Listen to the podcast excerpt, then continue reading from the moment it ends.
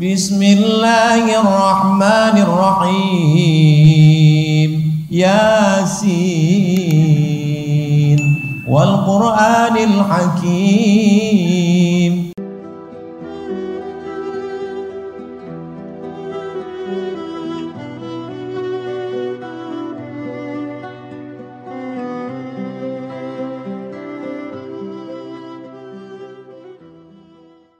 Ada orang-orang yang tak dapat kita balas budi baiknya. Kita tumpang sembilan bulan sepuluh hari bukan kamarnya, bukan rumahnya, perutnya, rahimnya, badannya. Meregang nyawa dia mengeluarkan kita ke atas dunia. Pagi ini bahkan mulai malam tadi terbayang wajahnya di kelupuk mata.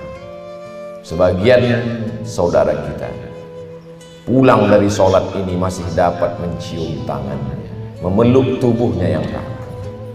Tapi kita jangankan untuk memeluk badan jasadnya, untuk berziarah ke kuburnya pun jauh.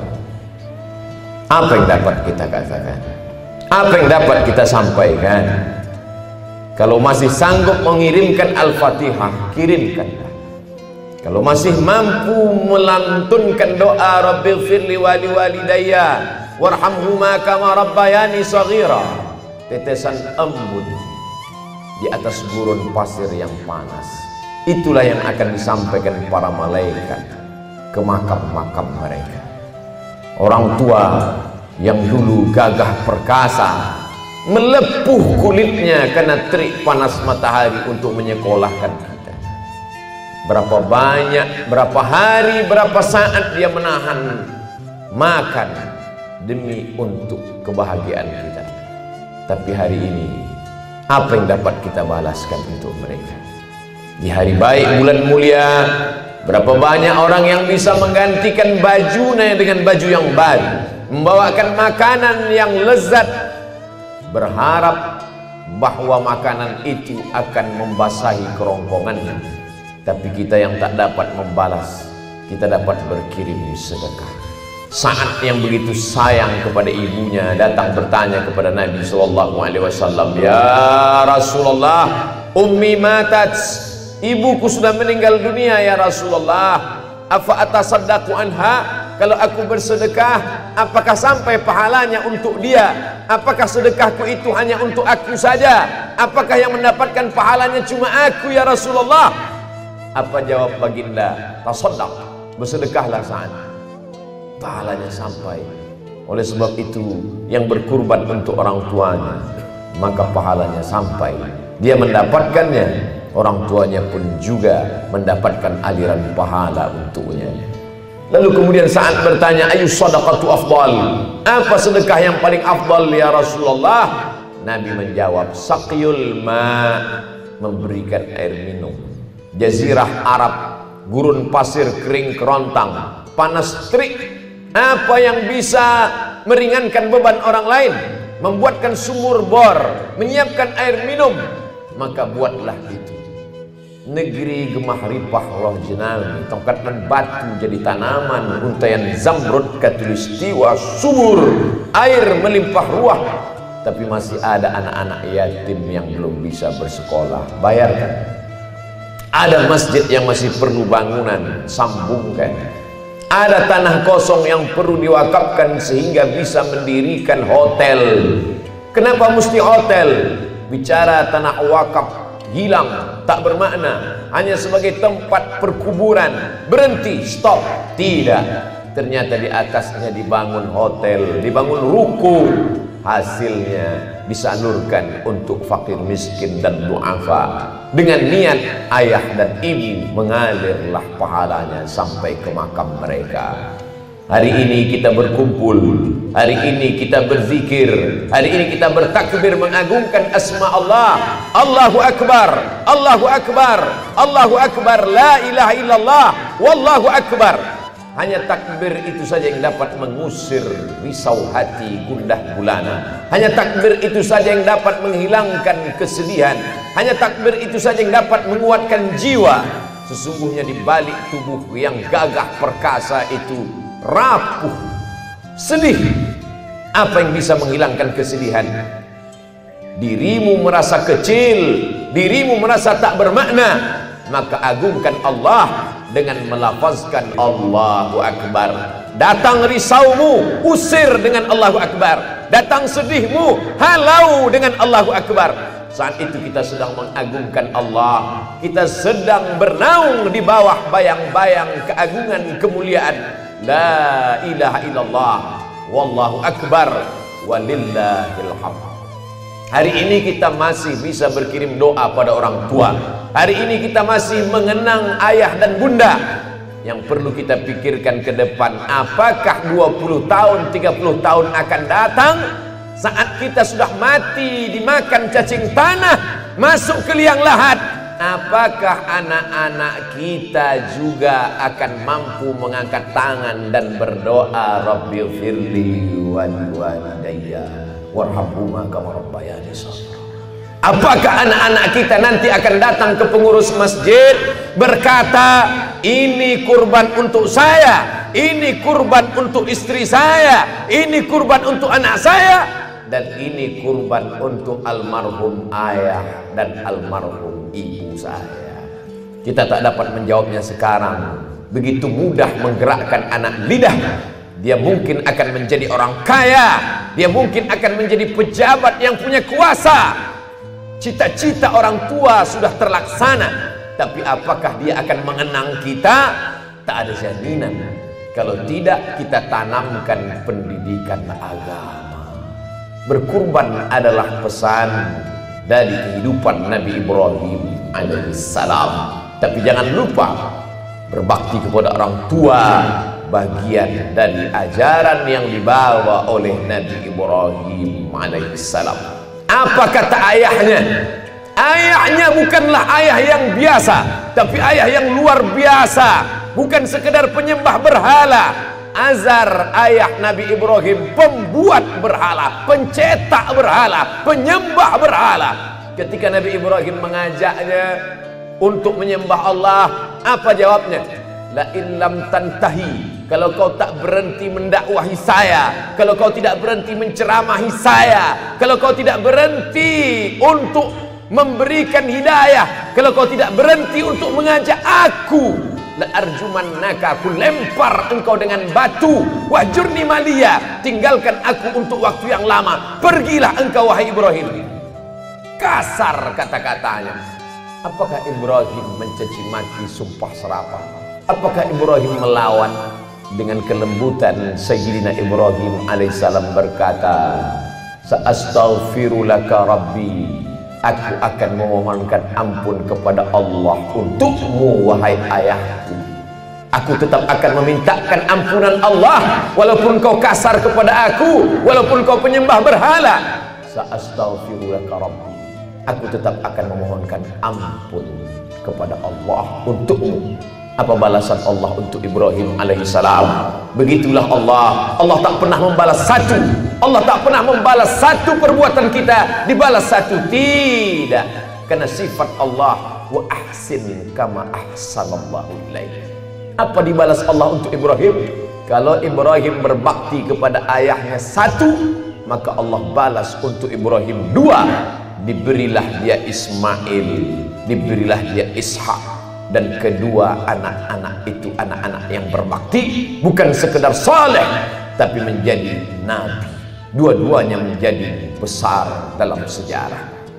Oleh sebab itu mungkin ada di antara kita yang kurang beruntung. Dicampakkan, dibuang, tidak dipedulikan marah. Biarlah itu menjadi urusan orang tua kita. Jangan kita urus antara dia dengan Allah subhanahu wa ta'ala karena andai kita gendong dia dari tempat kita duduk hari ini kita bawa ke tanah suci Makkah Al-Mukarramah kita gendong dalam keadaan tawaf sa'i dan umrah kembali lagi ke tempat kita. Belum dapat menebus satu tetes darahnya saat melahirkan kita. Belum dapat menebus susah hatinya tidak dapat makan minumnya muntahnya panas dingin tubuhnya. Saat kita berada di dalam rahimnya andai dia salah biarlah kesalahan itu antara dia dengan Allah saja. Tak perlu kita menjadi hakim yang merasa lebih berkuasa daripada Allah Subhanahu wa taala. Oleh sebab itu apa kata Allah dalam Al-Quran? Wa qadha rabbuka alla ta'budu illa iyyah. Allah mewajibkan supaya engkau beribadah kepada Allah. Setelah Allah langsung kepada orang tua. Wa bil walidaini ihsana. Berbaktilah kepada orang tua. Daun-daun yang hijau hari ini akan layu dan mati. Mana penggantinya? Ada tunas-tunas baru hijau muda. Kalau tidak kita tata dari sekarang. Kalau hendak membentuk buluh kata orang Melayu buluh berarti bambu. Kalau hendak membentuk bambu kalau hendak membentuk buluh biarlah dari rebung. Dia akan bengkok dan melengkung.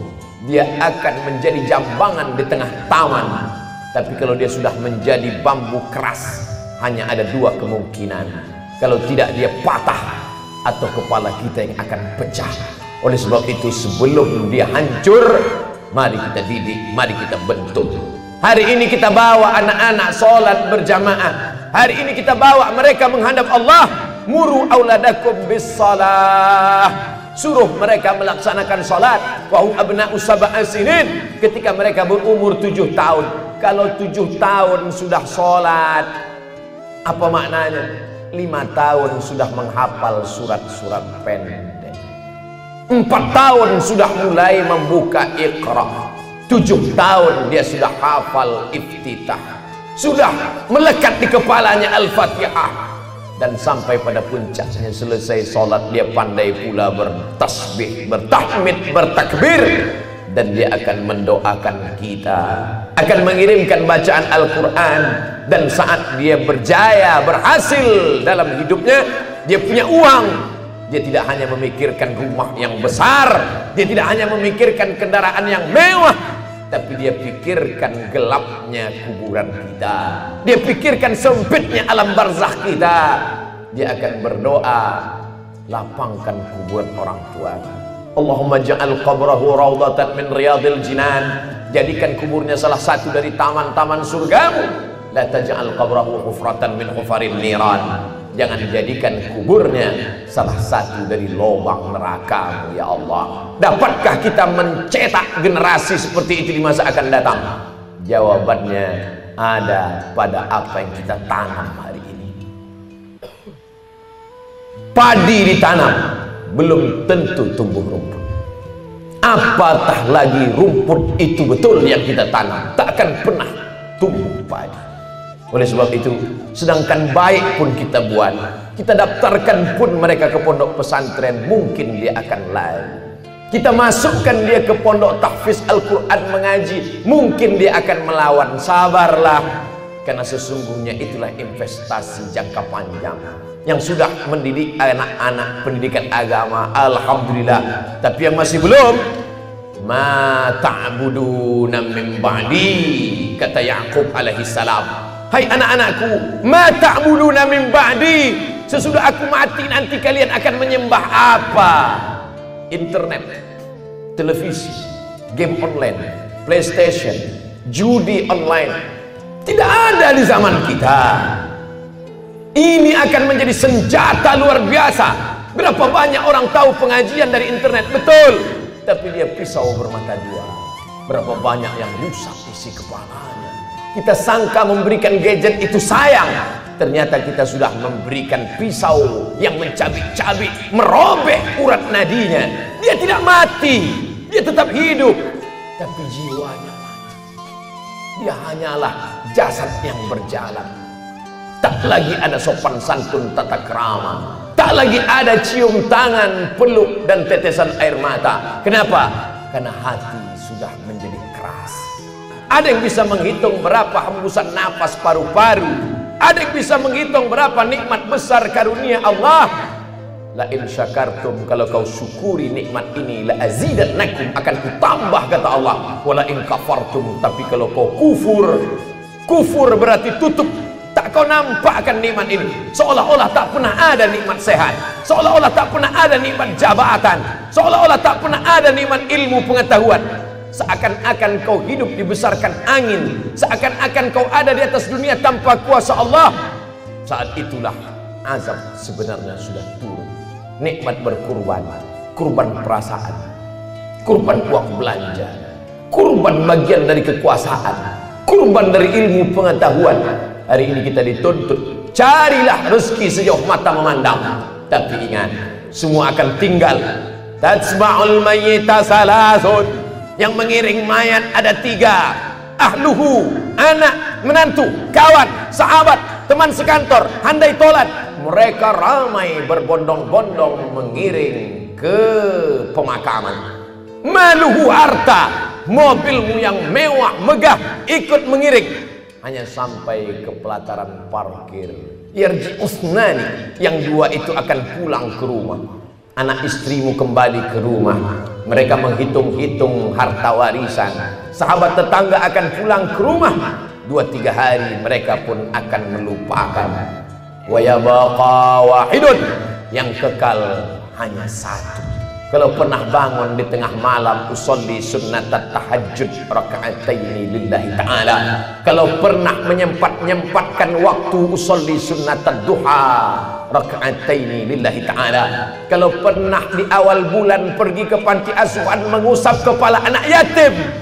Kalau sempat pernah melangkahkan kaki solat berjamaah. Kalau sempat meluangkan waktu qabliyah dan ba'diyah. Hanya itulah yang akan dapat menolong di hadapan Allah subhanahu wa ta'ala. Seorang ulama sufi. Sufi diambil dari kata safa. Suci hati dari sifat takabur angkuh sombong dunia. Berjumpa dengan seorang ulama yang punya banyak jamaah. Ribuan ratusan orang datang mengiringinya. Masyhur hebat terkenal. Mati. Akhirnya semua mati kullu nafsin dha'iqatul maut. Ulama sufi bertanya wahai ulama masyhur ya apa yang kau dapat dari kemasyhuran kepopuleranmu ini? Apa yang dilakukan Allah kepada engkau sekarang? Dia ambil debu dia letakkan di tapak tangan dihembus dengan nafas tempur begitulah kemasyhuran itu hilang tak pernah lalu apa yang dapat menolongmu di alam barzah? Apa yang dapat membelamu di hadapan Allah? Saat dua rakaat di tengah malam aku sempatkan. Saat aku sempatkan membaca bagian dari ayat-ayat Al-Quran. Saat aku sempat memetik tasbih subhanallah alhamdulillah subhanallah bihamdihi subhanallahil azim. Itulah yang dapat menolong di hadapan Allah subhanahu wa ta'ala. Jabatan tinggal kemasyhuran tak berkesan. Yang dapat menolong di hadapan Allah illalladzina amanu kecuali iman wa amilus salihat dan amal-amal saleh. Faman kana yarju liqa'a rabbih siapa ingin berharap berjumpa dengan Allah falyamal amalan salihah Allah tak minta banyak hanya dua saja. Falyamal amalan salihah amal saleh wala yusyrik bi ibadati rabbih ahada. Tidak mempersekutukan Allah dengan apa-apa